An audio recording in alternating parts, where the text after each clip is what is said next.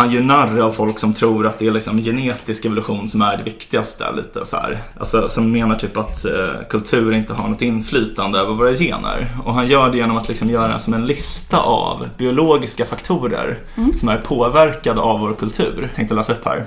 Okej. Eh, små tänder, korta tarmar, trånga magsäck, en känslighet för gifter, hög träffsäkerhet med projektiler, abnormt många svettkörtlar, långa postmenopausala liv, rörliga tungor och vita ögon. Fuckar upp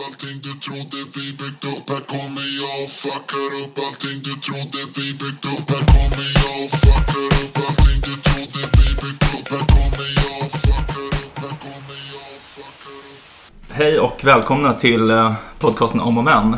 Där vi reder ut det ni tycker är krångligt och krånglar till det ni trodde var utrett. Vad har hänt sen sist Bea? Ehm, ja men mycket har hänt Mm. sen sist. Jag har, ehm, ja men dels så var jag ju väldigt försenad hit till dig idag för att Ja. mitt eh, tåg fastnade. Det var någon, jag vet inte, eh, någon grej som hade ramlat ner. Okej. Så vi fick bara veta typ så här, får, vi kommer få strömavbrott snart. Mm, Ni får inte gå av tåget för det är dödsfarligt eller livsfarligt. sjukt. Eh, och ehm, vi vet inte hur lång tid det här kommer ta. Så jag fick sitta där i två, tre timmar. Typ. Eh, men eh, nu är jag här. Ja, det var, alltså, jag tror aldrig jag har hört talas om någon som har varit fast i ett tåg så länge. Alltså, det var också någonting med att typ, du inte gick att nå för att du bytte abonnemang mitt i. Eller vad var det? Jag vet, jag var helt, helt okontaktbar. Men eh, det, jag hann lyssna på lite ljudbok och sådana grejer. Ja, så snyggt. det var nog du som led mest. Det gjorde jag verkligen inte. Ja, men SJ känns som världens sämsta företag. Det är, liksom, all- det är alltid någon himla skit. Alltså jag kommer ihåg eh, sista tiden jag pluggade i Uppsala så pendlade jag från Stockholm till Uppsala. Och jag räknade på att det var i över 30% av gångerna så var tåget försenat med 10 minuter eller mer. Oj! Så att man kan liksom inte lita på, Nej. eh, på dem helt enkelt. Ja. Eh, nej men annars har jag varit på typ konferensturné som vanligt. Ja, Ehm, classic Bea. Classic. Ja. eh. Och jag har varit på en festival som är kul. Okej, som, coolt. Det, jag tror jag har berättat för dig om den, här Ephemerile. Som är så Ja. en libertariansk festival där det är en massa galna libertarianer som typ, de åker ut med massa båtar eh, utanför någon, någon bay i San Francisco. Ja, Och så tjädrar de ihop båtarna och så hänger de där ute i en vecka eller två typ. ja coolt. Ehm, så, så alltså, de tjädrar ihop, vad heter det? Käd, kedjar, alltså så, här, jaha, ja, så att okej. man kan hoppa från, mellan båtarna att typ. de, de kopplar dem till varandra. Ja, jag precis. förstår. precis. Ja. Så jag var där på, och var på Patrick Friedmans båt. Som är för våra, det är kul för att det är för våra så här Sture-akademikervänner så är det Milton Friedmans barnbarn. Jaha, alltså David Friedmans Ja, son? precis, Aha, precis. Okej, Ja. okej, Han intressant. hade sin födelsedagsfest där ute på sin båt. Men är han också någon sån här techsnubbe typ eller? Ja, han har ett, eh, jag tycker det är ett jättekul koncept som vi borde kolla närmare på. Han Mm. har en, eh, ett investmentbolag som investerar i charter cities. Ja, jag vet. Ja. Ja, är det han som är med i 8000 dagars avsnittet? Eh, Om Charlie Cities? Jag mm. tror att det är han. Jaha, ja, jag har inte lyssnat på det i så Ja, fall. Okej, okej. Ja, men fan vad coolt. Fan vad, vad coola grejer du gör, Bea. Eh, eh, tack. Vad, vad har du gjort sen senast? Ehm, ja, nej, men alltså jag... ehm, jag har ju sagt eh, i ett tidigare avsnitt att jag hatar att vara ledig. Mm. Ehm, men nu när jag har varit ledig ett tag så älskar jag att vara ledig. Mm. Du, har, du har gjort ett stort hopp. Ja, jag har gjort ett stort hopp. Vi, ehm, min flickvän och jag, vi åkte till Berlin. Ah. Och ehm, vi hade typ inga planer, vi gjorde typ ingenting. Vi bara gled runt. Mm. Och jag kände liksom att det är så här man ska leva sitt liv. Mm. För att jag hade inte med min dator så jag kunde inte skriva heller. Ah. Jag, typ, jag har liksom aldrig varit helt ledig, att jag så här aldrig skriver och aldrig jobbar. Ah. Så jag kände mig så sjukt avslappnad. Men det var också typ att jag slutade hålla på, på mig själv. Så det var så här att jag började röka igen. Jag Oj! har inte rökt på liksom, jag vet inte, 40 år. Sjukt sjuk lång tid liksom. Men jag rökte mycket i gymnasiet så här. Mm.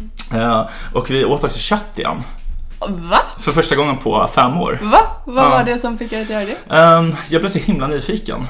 Ehm, så ja, jag provade. Vad var det, en currywurst eller vad blev det? Nej, ingen currywurst. Det var liksom stekt, eller grillat kanske, kött. Det var på en ganska fin restaurang. Mm. Ehm, så vi liksom delade på en rätt för att smaka. Hur var upplevelsen då? Um, jo men det var gott. Alltså, det var inte så gott men det var, jag förstår att folk gillar rött kött. Du mådde inte dåligt efteråt? Nej, Mm. nej egentligen inte. Men jag skulle nog inte göra om det. Nej. Vad, eh, hann ni käka de här um, balaklavan? Jag rekommenderar det. Um, ja, baklava. Balaklava är ju Ja, rånarluvor.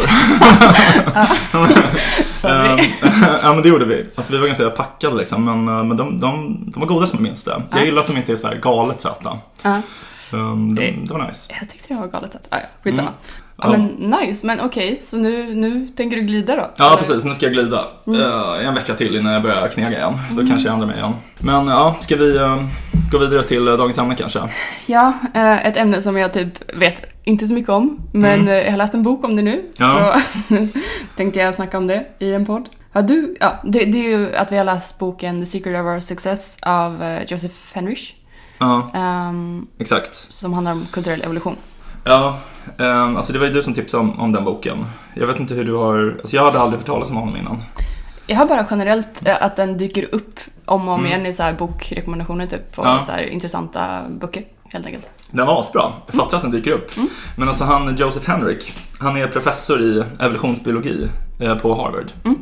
Och eh, han, alltså jag kollade upp honom lite så här, och han, han är liksom värsta mångsysslaren. Det känns som att han har forskat om typ allt. Forskat i liksom ekonomi, sociologi, psykologi, människa och datorinteraktion. Mm. Alltså så, så coolt med sådana människor tycker jag. Ja. Och jag har hört honom beskrivas som eh, the next Steven Pinker, om folk vet kanske vem det är. Mm. Men precis, vi har ju läst den här boken då, eller åtminstone jag har lyssnat på den faktiskt. Jag också. Ehm, men, men hans tes i den här boken, han är ju då evolutionsbiolog och liksom den här tesen han lägger fram är så här. När folk säger vad är det som gör att det har gått så bra för människor Eh, till skillnad från andra djur, då liksom ger de olika exempel. Typ så här, det är vissa som säger att det är vår eh, intelligens, andra säger att det är typ bara vår sociala förmåga så här, att samarbeta. Men hans tredje eh, förklaring, som han tror är den mest troliga, det är liksom vår förmåga till inlärning. Alltså att vi kan lära oss och liksom ta till oss kulturella fenomen. Um, och det är det den här boken handlar om då. då. Mm. Ehm, men vad tyckte du? Alltså, tyckte du den var så bra som du hade väntat dig eller? Ja, det var den. Det, jag har inte så mycket så här att... eh, Den, den var jättespännande. Det var eh, kul att, att liksom höra om hur, ja men det han pratar om med kulturell evolution, att det också till och med påverkar vår biologi liksom. Mm. Och att det är det som har lett till eh, att vi har kunnat göra de framsteg vi har kunnat göra. Men jag, har, inte- jag hade inte så mycket att eh, sätta, sätta emot, typ, eller man ska säga. Jag har, Mm. Eftersom jag inte har så mycket koll på Nej. annan, andra evolutionära teori- teorier så, så jag lät det mest bara så här svepa över mig, känner jag. Mm. Ehm, ja, nej men nu, nu, jag tror på honom. Mm. Ja, nej men alltså, det är verkligen så här snillrika, snar- snillrik argumentation tycker jag. Men vi kanske bara ska typ så förklara lite vad han menar med kulturell inlärning och sådär. Ett, ett exempel han tar är ett, ett experiment som har gjorts på spädbarn. Där, där man har liksom uh, man har uh, visat tre olika typ gubbar eller figurer för uh, spädbarn. Alltså så här, typ som leksaksgubbar eller något sånt där. Och vissa av dem är liksom läskiga och Alltså spädbarn brukar reagera på dem genom att så här, börja gråta eller skrika. Vissa av dem är snälla och då vill de liksom ta i dem och tycker om dem. Och vissa är lite så här tvetydiga. Så alltså att vissa blir rädda och vissa tycker om dem. Mm. Uh, Men sen har de liksom haft experiment där de visar de här leksakerna när deras mamma och, uh, har varit med i rummet. Och mamman är instruerad på förhand att liksom hur hon ska reagera. Om hon ska tycka om den eller om hon ska så här, bli rädd. Typ.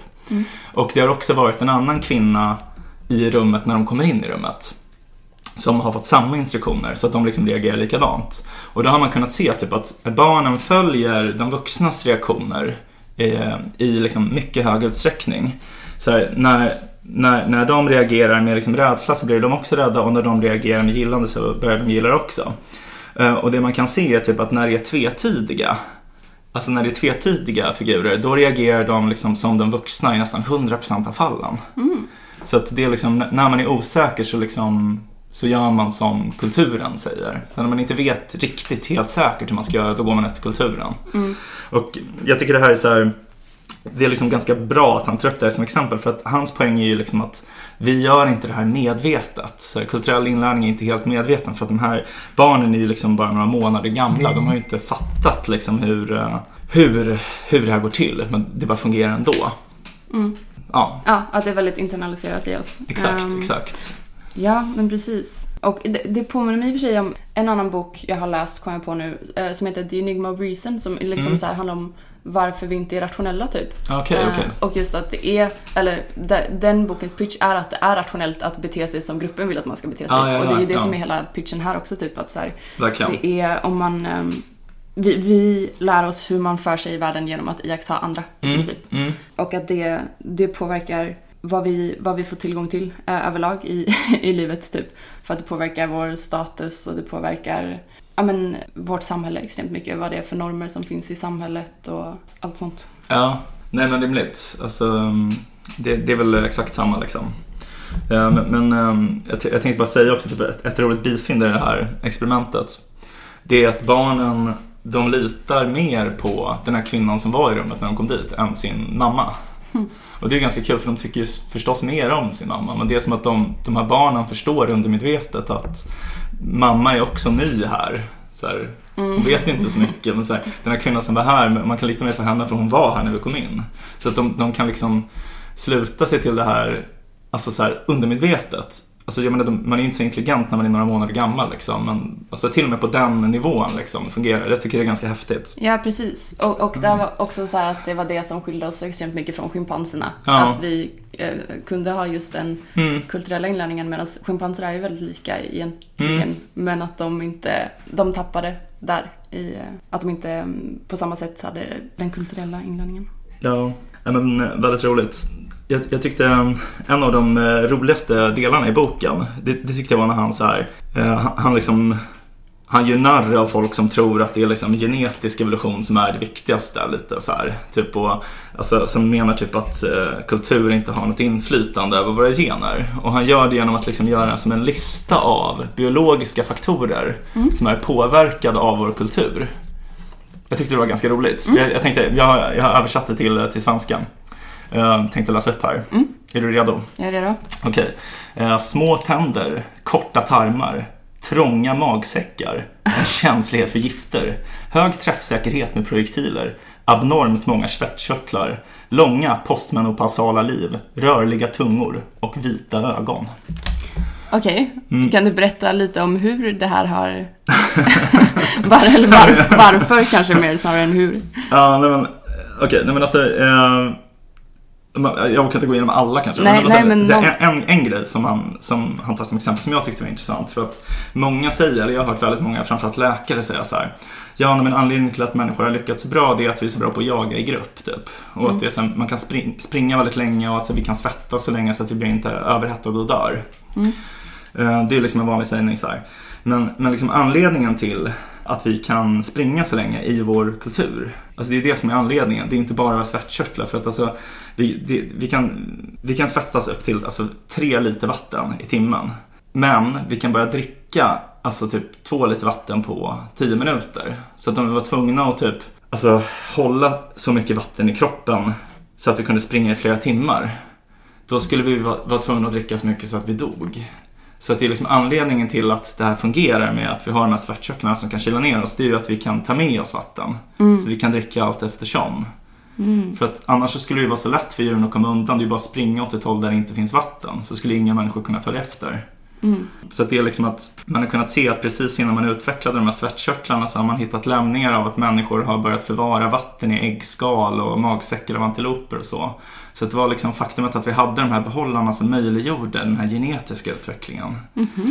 Att det är liksom, när man har kommit på hur man har vattenbehållare då blir det evolutionärt gynnsamt att kunna svettas mycket. Men innan så är det inte så gynnsamt så för du kan ändå inte behålla vattnet. Eh, Ja, jag tyckte det var väldigt intressant. Klimakteriet var ju kul också. Eller den, Ja. den har jag hört lite om innan i alla fall. Just det här att... eh, För att det är så få arter som, som Mm. kommer in i klimakteriet. Men att han menar då att det är för att så det, det är en evolutionär fördelaktig grej att ha äldre som kan lära ut till de yngre generationerna. Typ. Ja, och att det är människor, valar och elefanter som Ja. kommer in i klimakteriet. Sant. Det känns som att vi båda är i klimakteriet nu för det är så sjukt varmt här så man svettas Jag sig som en jävla gris. Ja, nej men eh, det är sant. Att det är liksom att eh, äldre personer har liksom ganska hög status vad man ska säga i mänskliga samhällen. Framförallt historiskt. Ja, det, precis. det har ni inte alls i andra arter. Liksom. Det är ganska vanligt till exempel bland eh, primater att äldre individer dödas. Liksom. Att de, de dödar de äldre. Så Mm. För att de, de skiter i dem på något Mm. sätt. De har liksom ingenting att bidra med. Mm. Och det är intressant att det är, ja, men som du säger historiskt att de har haft den, den rollen Mm. men att det är nu när det är inte så här att man frågar mormor hur man ska nej, programmera någonting eller nej exakt. hur man ska uppdatera sin Facebook-profil. Nej. Alltså jag har i och för sig lärt mig en del av äldre personer. Alltså kanske inte de allra gamlaste, liksom, allra äldsta. Nej. Ehm, men, men ändå. Så äldre kollegor och så. Ja, ja, men vad, har du några sådana specifika... Ja, men alltså typ på läkarprogrammet så är det ju liksom, vi har ju väldigt lite typ så här, att man läser böcker och så. Mm. Eh, Det är mycket mer att man är ute och liksom är, är lite som en lärling typ. Mm. Följer efter eh, äldre läkare. Och så får de typ visa hur man gör saker och så provar man själv och så säger de att man är en idiot. Mm. Eh, Och så gör man om liksom tills man Ja. kan det. Ja, men, då, men, det, men det känns ju som väldigt så här, det behöver ju inte vara gammal för att kunna dela den kunskapen. Eller sig, Nej, ja. men det, det är väl bara att de är mycket bättre typ. Alltså det, Ja. det, det vet jag att vissa blir förvånade när jag säger typ att jag, eh, om jag fick välja skulle jag alltid välja en äldre kirurg. Typ om jag skulle bli opererad. Ah. Jag skulle alltid vilja ha någon typ precis innan pensionen. Mm. Eh, för de, de är liksom alltid bäst. Ja, ja, det finns ju, ja, för man skulle ju kunna tänka att de också är lite svajiga Ja, i, i den fysiska formen. ja men kanske. Jag vet inte. Nej, men jag tror ändå att de är Ja, Alltså för de, de, är, de är så himla snabba liksom och det, är- ja, det är riktigt coolt att se så äldre kirurger jobba liksom. Det är som att de eh, inte behöver anstränga sig det minsta. Mm. Ehm, ja, nej men ehm, jag, ty- jag tycker det är intressant där med att han, eh, han, han gör en poäng av att liksom, han kallar det här att när människor gick över till den här kulturella inlärningen så kallar han det för att man har korsat Rubicon. Mm. Alltså han pratar om det jättemycket. Det känns så himla amerikanskt att vara så besatt av så här latinska referenser eller typ romerska referenser. Men, eh, men, men det han menar är typ så att, att man har slagit över i en ny typ av evolution. Och han, eh, alltså ganska betecknande så tar han som exempel då att människor, alltså typ den genetiska variationen mellan människor, den är extremt liten. Så typ, alltså, nä- nästan alla människor är liksom med andra arters mått mätt typ genetiskt identiska. Vi är typ så kloner av varandra jämfört med andra arter. Och alltså, så trots att vi bor liksom i typ Sahara och Arktis så är vi extremt lika varandra. Men schimpanser som bor i nästan, så här, nästan identiska habitat har extremt stor genetisk variation. Så att typ så de som bor i den ena delen av skogen har helt andra gener än de som bor i den andra delen av skogen. För att så här, de kan inte anpassa sig kulturellt till de nya, Mm nya habitaten. Så det, det, det var ganska coolt. det är ju något sätt. superspännande ja. Och det vet jag att han pratar om också, att liksom, vi är ständigt på jakt efter folk som vi liksom vill lära oss från på något Ja. sätt. Eller att vi, vi alltid är medvetna om vem som har prestige typ i ett, eh, i ett område eller eh, i vår närhet. Exakt. Och att vi försöker omedvetet ofta kopiera vad de, Mm. vad de gör och hur de beter sig. mm. Och att det är så vi, vi lär oss och Mm. utvecklar och för vidare. Nya insikter. Ja, men han har ju också exempel på när det typ går fel. Alltså så här, när, eller när det blir kontraproduktivt. Ja. som typ att så här, ja men självmord var väl ett exempel. Ja, just det. Vad var Ja. det? Jag minns det inte riktigt. Eh, men det var att, att, liksom, eh, att det kan bli när man internaliserar suboptimala beteenden då, eller normer. Mm. Så till exempel att, man, att någon tar livet av sig. Och eh, ett, som, ja, men man pratar väl ofta om Kurt Cobain som ett exempel på det, eller Ja. ja. Lunge versus lidande, alltså Just det, Goethes eh, bok. Att det då ofta Det blir självmordsvågor. Ja, men typ. precis, precis att det blir fler som gör det. Och att det finns många sätt som det kulturellt smittas på. Man pratar Mm. typ om kultursjukdomar och sånt. Det, det vet jag att vi ja, pratar om mycket på, i, inom medicinhistoria och sånt också. Att man pratar om kultursjukdomar och att det, det är en ganska het debatt ofta. Typ så här, för det finns ju de som menar att typ utbrändhet är en kultursjukdom. För det, Eller post-covid. ja, precis, Ja. precis. Eh, så det där kan ju vara känsligt också. Ja, Men, eh, verkligen. men det verkar ju verkligen finnas så här, ja men i vissa samhällen är det vanligt med självmord och i andra är det inte det. Ja. Det är väldigt vanligt i Sverige. Ja. Eh, tyvärr. Men, eh, men just det, så hade- för det, det han menar är typ att så här, vi är liksom primade att uh, härma folk som har hög prestige. Ja. Så typ när, när Goethe skrev Den unge Werthers lidanden Mm. så det var liksom den här fiktiva karaktären Werther, han begår självmord i, i boken. Mm. Och eh, han har då hög prestige så att folk vill liksom härma honom. Så att den här statusgrejen bara, eh, ja, blev lite överdriven liksom. För Mm. det, det är ju knappast bra för en själv liksom, att begå självmord. Nej, men, och samma sak med Kurt Cobain, liksom, att han Mm. hade väl så hög status man kunde ha på 90-talet bland ungdomar i alla fall. Ja, Verkligen. och då ja, härmar man honom helt enkelt. Ja, en intressant grej med det kommer på nu när du berättar det här. Mm. Det var att han skriver i boken, eh, Henrik, att, eh, det är många som säger så att nej men de här personerna som tog livet av sig, de hade tagit livet av sig ändå, bara inte just då. Typ att så här, så att det, det liksom leder inte till fler självmord. Men, men det där är tydligen intressant för att om det hade varit så, då hade ju ef- efter den här spiken så hade ju självmordsfrekvensen gått ner då. Om det hade varit så att liksom, några som skulle ta livet av sig under de närmaste åren istället tog livet av sig precis nu. Att det bara puttade dem precis över gränsen. Men, men man ser inte den här motsvarande nedgången. Nej. Så det, är liksom, det ökar antalen självmord i absoluta tal. Ehm, det tyckte jag var ganska intressant. Ja, verkligen. Obehagligt, verkligen. Ja, och då undrar man ju själv vad man kan eh, luras in i. Ja, Eller låta sig luras in i. ja verkligen. Ja. Alltså, jag tänkte också på en annan grej med den här boken. Eh, som han ser liksom som en, lite av en nackdel med det här att vi har korsat Rubicon som man kallar det. Alltså gått över till kulturell inlärning istället för enbart genetisk evolution. Och det är att trots att vi behöver vissa saker för att kunna överleva. Till exempel behöver vi laga mat med eld.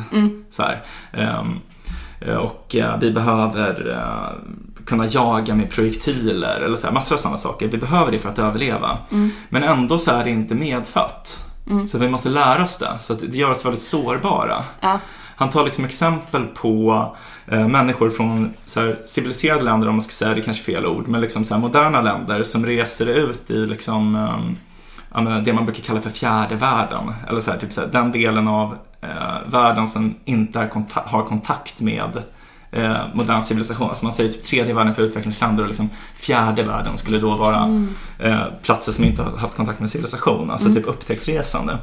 Och då tar han som exempel två eh, expeditioner som gick till Arktis. Den ena med Franklin som var eh, engelsman och den andra med Amundsen som var norrman. Och eh, Amundsen lyckades bra. Han, han tog sig till Nordpolen och tillbaks. Men eh, Franklin som hade mycket mer pengar, och de var också fler, eh, de åkte dit och efter några månader så var alla döda. Alla hade dött och det visade sig sen att de hade tappat bort sig och de hade liksom hemfallit åt kannibalism. Alltså de hade liksom börjat äta varandra. Så här, de hade blivit så extremt ociviliserade. Och skillnaden som eh, Henrik framhåller då, det är att Amundsen bodde med de lokala inuiterna i ett år innan. Och han liksom lärde sig hur man överlever på Arktis. Eh, Han och liksom hans manskap lärde sig allting och sen kunde de bara det. Ja. Det är ganska coolt. Verkligen. Eh, Han har också ett exempel på, för det är ju kul att tänka sig, eller, eller och det är en evolutionär nackdel som du säger, eh, att eh, vi inte medvetet typ vet hur man gör eld, eller det, Ja. det är ingenting vi har medfött med oss, utan det måste vi lära oss. Och att han ger till och med exempel på någon, någon civilisation som liksom tappade bort Mm. det och missade Ja, det. Det var någon tasmansk eh, ab- aboriginer i, i Tasmanien tror jag det var, någon Mm. kultur där. Ehm, och det är ju ett väldigt roligt tankeexperiment att man tänker sig typ så här, ja men att jag säger till dig, gå ut och gör eld. Ja. Typ. Eh, Jag skulle aldrig kunna det. Alltså man kan ju ingenting sånt Nej, liksom. alltså ingenting. Eh, och du, du hade ju kunnat ha hur högt IQ som helst typ, Ja. men du, du skulle ju inte direkt kunna Nej. hjälpa dig att göra, göra upp eld. Man kan inte chansa sig fram till det liksom. Nej. Det är skitsvårt. Men jag har tänkt på det som läkare också, att typ, man kan ju liksom ingenting. Alltså, så här, man kan ju inte göra något utan sin teknik. Så här, utan mina röntgenapparater, blodprover och liksom alla mina verktyg. Ja. Om jag bara är ute, alltså så här, Ja. in, in, ingenting går. Man har ju glömt allt. Läkarkåren har ju glömt Det allting. jag hjärt och Liksom. lungräddning Ja, kanske. exakt. Healing, reiki. ja. Ja. Ja. Ehm, ja, men precis. När man tar det exemplet om de här tasmanerna vars eldar har slocknat. Så att de har liksom två, tre eldar som de måste hålla levande. Mm. Så att om det typ börjar regna så bygger de som små hyddor över eldarna för att skydda dem. Och så här, ja, deppigt. Jävligt deppigt. Ett annat exempel som känns som ett sånt som eh, man stöter på lite i, i modern tid är det här med att vi kan dricka mjölk. Typ. Mm, mm. Eh, att, och att det är någonting han menar är, väl evolutionärt eh, Mm. utvecklat. Att det är, för i två tredjedelar av världen så kan man inte smälta mjölkprotein typ. Mm. Medans i, och han menar att det är typ länder eller i höga bergsregioner och sånt. I, i, och typ som här i Norden där man helt enkelt har varit beroende av mjölk som Mm. näringsämne för att kunna överleva under liksom karga perioder. Exakt. Ehm, och då har man varit tvungen att utveckla eh, kapacitet att eh, Bryta ner laktos. Precis, precis. Mm, Och mm. liksom ja, ljusare hy och sånt Mm. för att kunna ta, ta upp vitamin D och sådana Mm. grejer. Men just att, eh, men det relaterar ju till att man kan, jag tror han uttrycker det som att här, man kan ha biologiska skillnader utan att vara så genetiskt an- annorlunda Mm. som du pratar om. Just Mm. att det är liksom, att vi är extremt genetiskt lika. Mm. Men man kan ändå ha biologiska skillnader. Ja, att det är så små Alltså det, det är så små genetiska skillnader och de har att göra just med liksom yt, alltså ytan mer, så Mm. det yttre. Mm. Um, alltså hu- hur vi tar upp när, näring och så. In, inte så här jättemycket med, med vår intelligens just eftersom typ vår intelligens inte har en så jättehög korrelation med våra överlevnadschanser. Mm. Alltså eftersom det mesta av våra överlevnadschanser avgörs av kulturell know-how typ. Mm, mm. Jag, det var, jag, jag försökte kolla vad, vad typ så här. Eller jag läste någon post av ehm, Scott Alexander, om du vet Mm, om det är. vet. Ehm, ja, så det är en um, rationalist som, och psykolog typ, eller Ja, det, psykoterapeut det är kanske. det vet Ja, jag inte. Ja. Som eh, har en blogg som heter Astral Star Codex, tror jag den heter nu för tiden. Mm. Ehm, Substack han också. Ja. Eh, Men han pratar just om det här med att eh, varför, varför rationalister inte har, att, inte, att man inte har utvecklats att vara så rationell som möjligt. Ja, just det. Ehm, och att det är för att du, du skulle dö helt enkelt. För att det är, ja, det är inte det som är evolutionärt fördelaktigt. Det är en, du har högre chans att överleva om du liksom förlitar dig på andra personers kunskap från, Ja. från du behöver liksom den, ärva ner den kulturella kunskapen. Mm. Eh, För du kan inte resonera dig fram till de bästa besluten alltid utan du måste liksom Mm. eh, lita på kulturen och normer. Ja, vilket bara känns som ett lite kul, en, en, en sak att ha i åtanke att det inte alltid är liksom Det är inte så smart att bara ifrågasätta allt. Nej. Typ. Nej. och det är som vi, vi- jag tror vi har eh, snackat om det någon gång, att eh, ibland så känns det som att många rationalister är så eh, rationell, rationella att det blir irrationellt. Typ. Ja. Att man så här, eh, försöker vara så rationell att man missar just de här extrema fördelarna som kommer med att vara socialt kompetent också. Typ. Eller Ja, men verkligen, verkligen. Ehm, Alltså sen är det, det är väl lite så här surt sa räven. Alltså typ de som går med i rationaliströrelsen är ju kanske ofta folk som har lite svårt med så här sociala cues och sånt. ja. Alltså jag menar, det är ju, bara av egen erfarenhet, jag tycker det känns, alltså det känns som att människor är extremt olika bra på det. Så att Ja. läsa av människor och många gör det kanske också undermedvetet. Man tänker inte så här, ja den här personen tyckte inte om det man sa men man snappar ändå upp det på något sätt. Ja, Och att man är så kanske väldigt bra på att linda in saker också. ja, Um, ja, nej men det är verkligen, nu, jag var ju på, jag har ju varit i San Francisco nu och där är ju, eh, rationalismrörelsen är ju verkligen ett, en grej där, alltså att det är Mm. så här, man bor eh, i kollektiv och det är så här communities som är rationalister. Mm, Och mm. de har extremt, ehm, det är verkligen väldigt starka subkulturer. Ja. Och där är verkligen um, beteendemönster som är väldigt annorlunda från nor- liksom normsamhället. Ja, Eh, okej. Som är, alltså typ så här, Hur då liksom? Ja men typ, typ så att det är väldigt normalt med så här uh, sexpartyn eller orgies. Ja, Eh, ja, det är inte så vanligt i, i, majoritetssamhället. nej, alla är typ poly. Man, man, det finns, just nu så är det väldigt, man bryr sig typ bara om AI safety. Mm. Som, som koncept. Man bryr sig inte om typ Mm. så här som i, i normsamhället kanske man bryr sig om tredje världen eller, Mm. eller liksom Mm. att eh, vi ska ha bra utbildning eller alltså så här Ja. andra grejer som man bryr sig om i världen. Medan där i, inom rationalistsamhället så Man är rädd för datorer men inte för otrohet. Ja, men precis. Och att det till exempel nu så är liksom, ja men ehm, en person som vi nog kommer säkert eh, nämna en del, så som jag säkert har nämnt innan, är Eliezer Tchaikovsky som det, är liksom Mm. eh, grundaren av Let's Wrong-forumet som är liksom num- number one Mm. rationalist-forumet där de här... Det här- deras liksom gud, Ja. deras Jesus. Ja, jag träffade honom nu på, på en av konferenserna Är det var på. sant? Ja, och det är, han var som, eh, alltså så här, för grejen är, han skrev en, en post för Mm. en, något tag sedan. Ja. Och vi pratade ju om det här, du sa att du inte var så rädd för AI. Mm. Men han, nu, det är så här en väldigt stark splittring mellan eh, bland folk som bryr sig om AI. Där eh, Eliezer är så här, eh, vi kommer dö inom tio år typ. Ah, okej, eh, och oj. därför är Ah. alla rationalister så också nu. Så, Ah, så det är så här, det är ganska obehaglig stämning på de här konferenserna typ. För typ Eliezer kom upp, jag hade något samtal med någon Mm. och så kom han bara upp och var så här och så pratade vi om någonting som var så här eh, horisonten, tidshorisonten var liksom bortom tio år och då Mm. var han så här bara, ja men vi, vi kommer dö. Men han är, Mm. och, så, och då är man så här eh, okej den här människan har som du säger lite Mm. gudstatus inom det här communityt. Mm. Det är en undergångssekt. Ja, Det har blivit en det har undergångssekt. blivit Det är det, typ. tydligt. Ja, men Mm. det är bara så en ganska lustig, tjock liten gubbe med hatt liksom också. Mm. Eh, Ja, han är mycket, mycket lustig figur. Samtidigt som han är, alltså jag tycker ju han har skrivit jättemycket jätteintressanta saker och Mm. jag tycker det är alltid kul att höra hans perspektiv på saker för det är Verkligen, ofta såhär man ja. bara Oj, den twisten såg jag inte komma typ. Ja, alltså vi kan ändå, alltså så här, jag tycker han är, alltså jag tycker hela den här AI-grejen är ganska löjlig om jag ska vara ärlig. Men, men, men alltså, jag kan verkligen tipsa om hans bok uh, Rationality. Ja. Jätte, jättebra bok. Jag har inte läst den. Ehm, alltså det, det är ju hans eh, bloggartiklar, liksom, Ah. bloggposter eller vad man ska säga. Men det är liksom en best of. Mm. Eh, men den är, den är inte så slimmad som jag hade önskat. Det, är- det är liksom, den är typ en miljard sidor lång eller Ah. sånt där. Men, men det är ett kul exempel med Eliezer. Um, Mm. Just det här med att man, hur man väljer vem man ska lära sig ifrån. Ja. Typ, att det är en, ett, ett tydligt exempel på en subkultur där man så här, har en founder som Mm. har extrem, får extremt hög status inom Mm. en grupp och, och då är det den som alla liksom, på många sätt kopierar. Ja, Eh, exakt, exakt. eh, beteenden och sånt.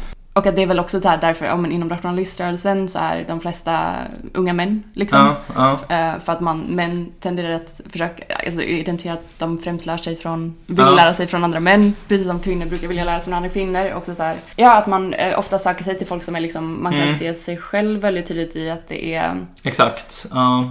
ja, men det har ju lite att göra med status. Vi, egentligen kanske vi borde göra ett eget avsnitt om det, för det känns som att det är så himla stort Ja. område liksom. Ja, verkligen. Men, eh, men, han, men han skriver mycket om det. Mm. Eh, Men, men alltså har du typ så här, hur, hur skulle du säga att du lär dig bäst liksom? Hur, Och genom att snacka med folk tror jag. ja, det gör det. Ja, och få ställa, få ställa många dumma frågor. Mm, det tycker jag också är väldigt bra. Ja. Ställa mycket frågor. Ja, Jag tror också typ att en grej som folk som vill lära ut gör fel, är att de själva pratar så här sjukt mycket. Eller det, det funkar åtminstone aldrig Ja. för mig. nej. Typ så här, man ska lära sig något och ser någon överläkare som bara sitter och snackar, tjattrar liksom. Då förstår man ju ingenting. Mm. Det är just frågor tycker jag också, att man provar och att någon säger så exakt vad man gjorde fel. Mm. Det tycker jag är bra.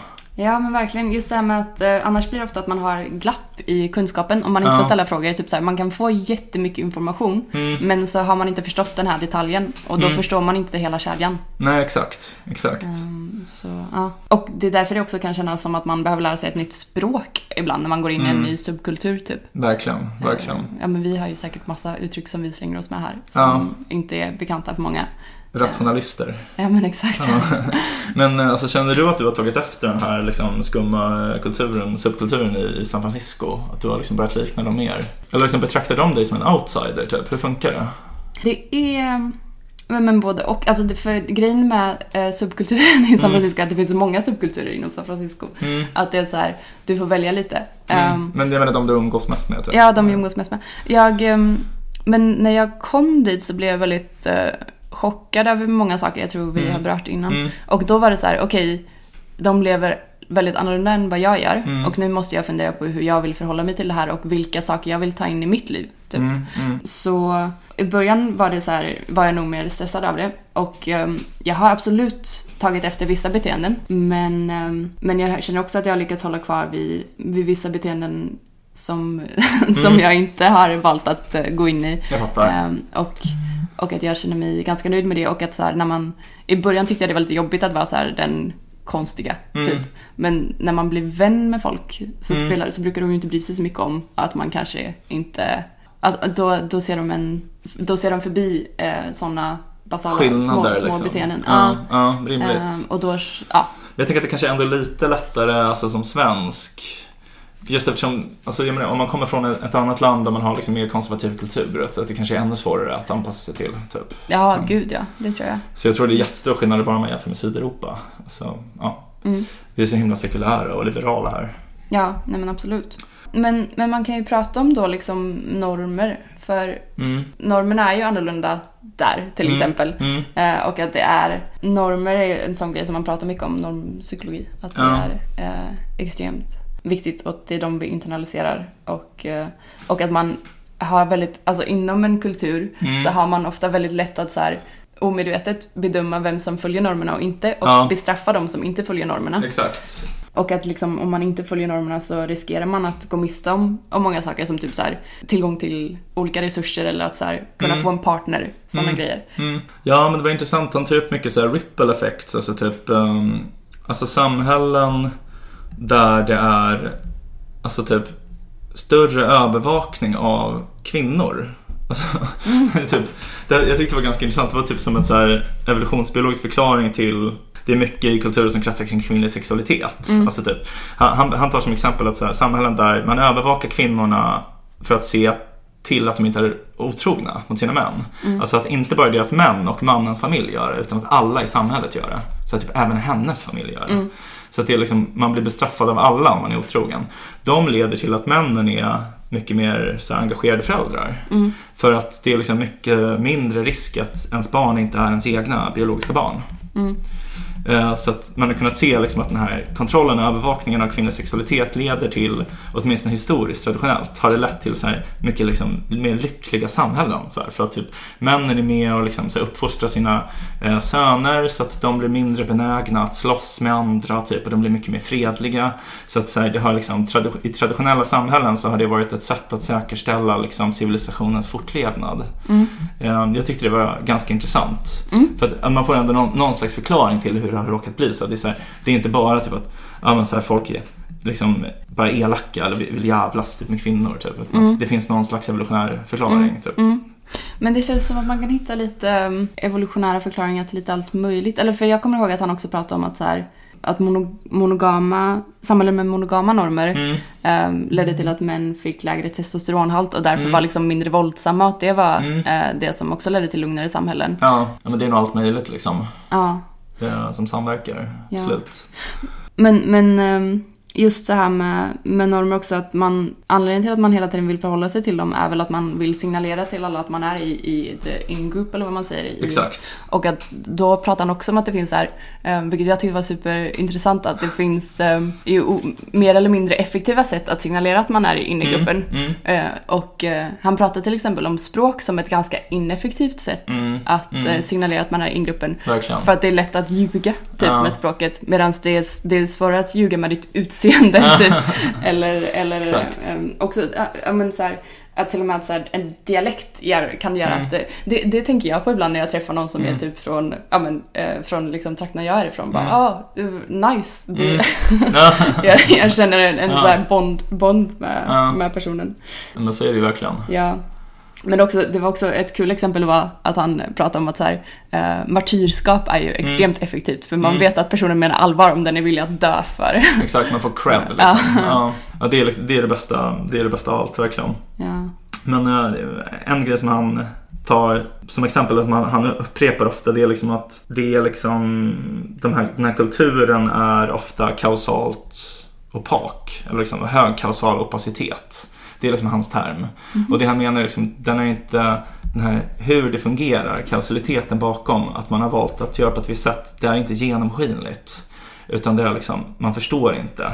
Alltså, och det, det är som du sa innan det här att man ska följa liksom, de kultur, kulturella sedvänjorna även om man inte vet varför. Mm. Så typ, han tar som exempel till exempel hur man eh, detoxifierar kassavarot. Så kassavarot är liksom ett viktigt, en viktigt födoämne i Karibien och eh, Sydamerika. Och eh, det, om man bara äter det rått är det väldigt giftigt eller om man bara kokar det direkt är det väldigt giftigt. Eh, Så man, man måste liksom eh, koka det flera gånger och liksom gärna i aska och sådär. Och eh, de här stammarna som gjorde det, de trodde, de trodde att det var en religiös ceremoni. Alltså att man gjorde det så här för att liksom blidka en viss gud. Mm. Så att när européerna kom dit då tänkte de så här, ja men vi behöver inte gå igenom de här stegen, vi kokar dem bara. Mm. Så här, för de här gudarna finns ju inte, de är ju bara, Mm. det är bara liksom uh, vidskepelse. Mm. Men då efter några år så hade de ansamlat så höga halter av de här gifterna så att de dog i liksom kassavaförgiftning. Mm. Så det tyckte jag var väldigt intressant. Det, det var faktiskt ett exempel som, för Scott Alexander har läst den här boken och Okej, skrivit okej. en bookreview av den. Mm. Och då pratade han om det som ett exempel på varför rationalism inte funkar i sådana Ja. här. För då hade det så här, man hade kunnat rationalisera sig fram till att nej men det går ju visst bra att äta Mm, den här. mm. Och sen så skulle man dö kanske 20 år senare och då skulle man inte se kopplingen Mm. till ja, att det var kassavarutorna som hade orsakat Nej, att exakt. personen dog. Precis, för att de dör inte, man hittar inte ett lik med kassavor bredvid liksom. alltså, det, är så här, det är ingen smoking gun. Nej. Eh, Utan det är, liksom, det, är, o- det är omöjligt för oss att utröna vad som hade gått fel. Ja. Men alltså, en grej som jag tänkte på när jag läste den här boken, det är att hans tes, den leder till ganska så konservativa slutsatser. Eller hur? Mm. Att det är typ så här, Många konservativa säger det typ så här, "Ja, vi är emot social ingenjörskonst och typ ehm, man får inte ändra någonting om man inte vet varför man gör så. Typ. Så det är kanske de som har rätt liksom. Ja. Det kanske är de konservativa som har haft rätt hela tiden. Ja. Man, känner- man känner sig lite dum när man läser den. På Ja. sätt. Ja, ja men så är det väl. Men, eh, ja, ja. Fast de har väl haft rätt hittills då, tänker Mm. jag. Kanske. Men kanske inte längre då. Kanske inte längre Nej. med tanke på hur snabbt samhället går nu. Ja, det blir mer och mer listigt. Alltså, de har väl i och för sig rätt till, eh, till viss del att så här, man kanske, det kanske vore bäst om vi kunde sakta ner lite nu. ja, Eh, det, det relaterar ju till, till, till exempel teknikavsnittet som vi ja. eh, hade, tänker jag. För där pratar man ofta om att okej, vi, vi borde försöka sakta ner teknikutvecklingen för Ja. vi hinner inte säkerhetskontrollera det här. Nej, Ehm, exakt. Vi kommer ju ändå vara döda inom tio år tydligen. Så. Ja, ja. Det är inte så mycket att göra åt saken. Nej, skitsamma. Nej men alltså, en, en grej som skiljer lite från konservatism det är dock att konservativa de är ofta så här att man typ tror på stora män eller kanske ibland kvinnor men alltså så här Mm. stora tänkare och liksom innovatörer Mm. historiskt. Mm. Eh, Men det, det han pratar om är ju typ att han gör liksom en parafras av, jag tror att det kanske var Newton som sa Standing on the shoulders of giants. Ja exakt, Ja. han, han sa, visst, visst var det han? Ja, men det var det. Han, han, sa såhär, if I had seen further than most, it Mm. is because I have stood on the shoulders of giants. Alltså han har liksom byggt på tidigare vetenskap. Ja. Men då menar eh, Henrik då att det är snarare shoulders of hobbits. Att det är, som, det är så här jättemånga små, obetydliga, dumma som har liksom gjort för varje generation någonting lite, lite bättre. Ja. Så att det är så här, människor är liksom riktiga puckon i hans tes. Men det är bara att vi, vi, har så bra minne och inlärningsförmåga så att det blir liksom ändå ganska bra till slut. Ja, Um, ja det, är ett jättekul exempel. Men Mm. det, han pratar väl också om att så här i eh, de, eh, där vi är nu typ i, Ja. i liksom em, världens utveckling och så långt som vi har kommit i vår kultur mm, att det är den, nu är väl den främsta kunskapsutvecklingen kommer ske främst liksom på y, y, vid ytterkanten av eh, typ att det handlar om våra utbildningssystem och sånt nu väldigt mycket. Ja. Att det inte är så mycket standing on the shoulders of hobbits längre. Nej, utan nej, det är ja. mer, nu har vi tagit oss till en punkt där det är mer de eh, främsta eh, intellektuella i ett samhälle som kan driva vidare utveckling. Okej. Mm. Eh, det- eh, Pratar du om det i boken? Ja, men så han pratar om att det är i, så vårt moderna samhälle är ju så extremt komplext, typ. Ja. Att det är, man är väldigt beroende av institutionerna. Helt enkelt. Ah. Och liksom utbildningssystemet och eh, research institutions och sånt. Mm. För att, ehm, och deras normer, Mm, typ. Mm. Eh, Och det är det som liksom styr åt vilket håll kunsk- kunskapen Ja, ja, eh, ja, går åt. Ja. Eh, Och att det är därför det är så här, våra goda normer och, våra, och bra institutioner är liksom Mm. superviktigt för att, Mm. för att liksom fortsätta att ut, utveckla vår kollektiva kunskap. Mm. helt enkelt. Verkligen. Fan, det är också jävligt konservativt sagt.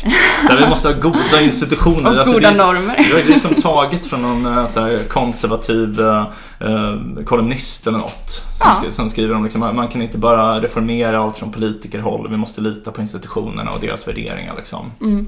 Ja. Shit alltså vilken jävla konservativ nisse han är den här Henrik. Ja, Listigt att han nästan lyckades lura på oss det här politiska budskapet. ja vi, det är ju snart, eh, snart val så att eh, Ja, exakt. har vi fått en riktning här. Exakt. Har vi, något, har vi något mer att säga om kulturell inlärning? Alltså, liksom, kommer, hur ska vi tillämpa det här i våra liv, Bea?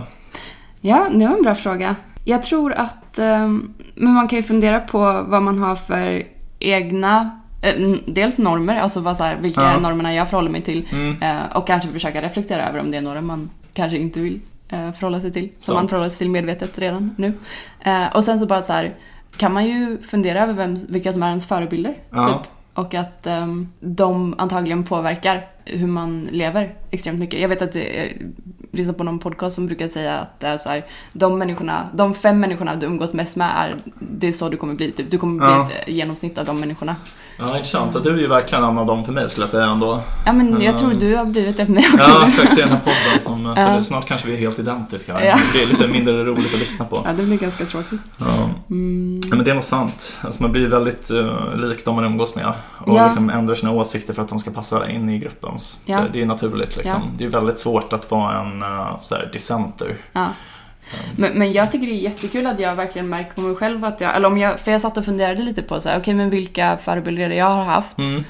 Det är väldigt tydligt att jag bara så här, typ mest förhåller mig till tjejer. Alltså så här, Mm. att jag, eh, om intressant. jag ser en kvinna typ, att det är ofta de som jag så här, identifierar mig med mest och liksom Mm. um, härmar deras beteenden. Mm. Alltså jag har tänkt på det både från så här, jag kommer ihåg när jag var liten att jag så hade, ja men det var inte mina äldre killkusiner som jag härmade, utan det var min äldre tjejkusin typ. Mm. Ja, ja, eller- Och det var min äldre tjejkompis vars handstil jag typ, jag tyckte att den var snygg och den började jag härma typ. Mm. Och, och nu, den personen som influerar mig mest just nu är ju typ min kollega Alison. Just det. Som är liksom den perfekta Ja. eh, förebilden i att så här, hon är bara hon är några år äldre än mig, men också så här en ung vit Cool- tjej, I cooling, guess, ja. som så här, men som så här vågar.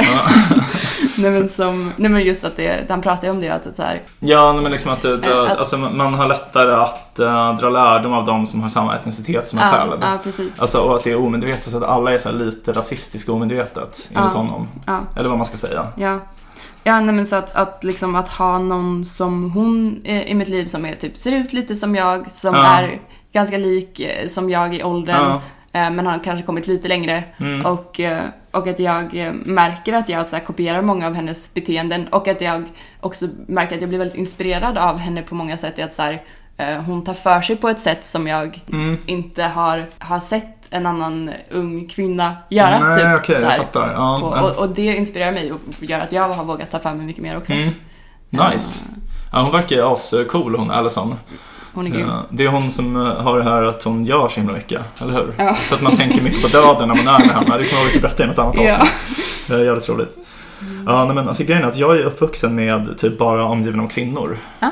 Um, alltså jag är liksom, eh, min mamma var ensamstående och eh, vi umgicks väldigt mycket med min faster som är ingift och hennes två döttrar, alltså mina kusiner. Som var när jag var liten åtminstone lite som mina systrar typ. Mm.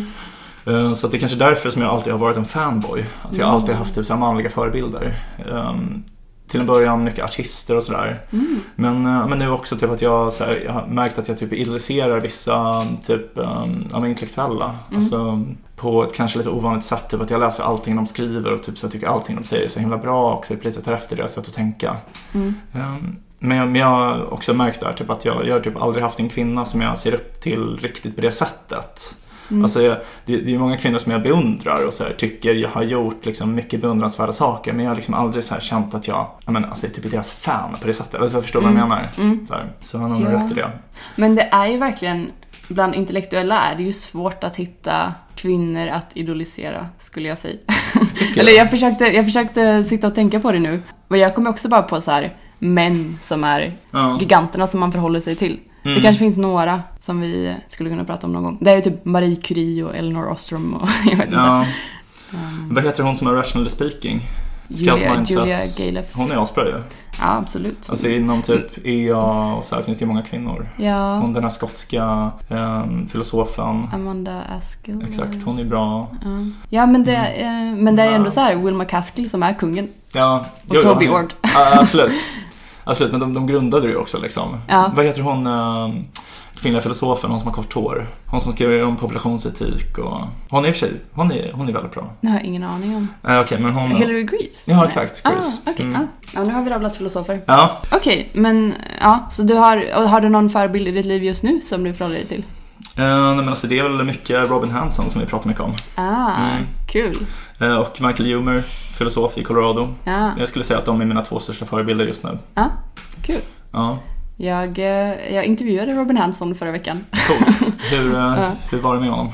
Det var, det var bra med honom. Det var lite, han var lite så här halvjobbig att intervjua för att han Aha. ifrågasatte frågorna.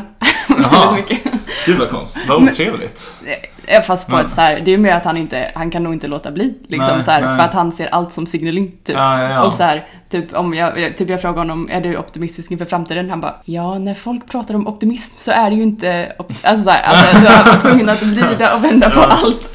Eh, men det, var, det var väldigt kul faktiskt. Ja, vi får, vi får snacka om det någon annan gång. Vi kan tipsa om hans podcast, Minds Almost Meeting. Ah, Väldigt och, bra. Och hans blogg Overcoming Bias. Ja, den är en, en klassiker. Mm. Ja men eh, King, bra jobbat Bea. Vilken jävla podd det blev. Det Toppenavsnitt. känns som att jag har försökt snacka extra fort typ för att så här, jag vet inte. Ja, Det, du kanske är hungrig. jag är Vi, hungrig. vi har, eh, under inspelningen så har Foodora kommit hit med, med mat. Så att eh, vi, eh, Mm. vi sitter här och dreglar efter, Så, efter vegansk kebabsallad. Nu tycker jag vi avslutar. Ja, Ja. det tycker jag. Ja, eh, men eh, med de orden då så avslutar vi eh, det här avsnittet av podcasten Om och Men där vi reder ut det ni tycker är krångligt och krånglar till det ni trodde var utrett. Nästa vecka kommer vi prata om någonting helt sjukt. Allting du trodde vi byggt upp Här kommer jag och fuckar upp. Allting du trodde vi byggt upp Här kommer jag och fuckar upp. Allting du trodde vi byggt upp Här kommer jag och fuckar upp. Här kommer jag och fuckar upp. Du har lyssnat på ett avsnitt av podcasten Om och Men med Beatrice Erkers och med mig, Vincent Flink Amblenäs. Vi har en mejladress, omochmän@gmail.com om och men gmail.com. Hör gärna av er om ni har några förslag på ämnen vi kan ta upp i podden eller om ni undrar något. Vi kommer att svara på alla mejl. Tack för att du har lyssnat. Vi hoppas att du vill lyssna även på nästa avsnitt som kommer på måndag.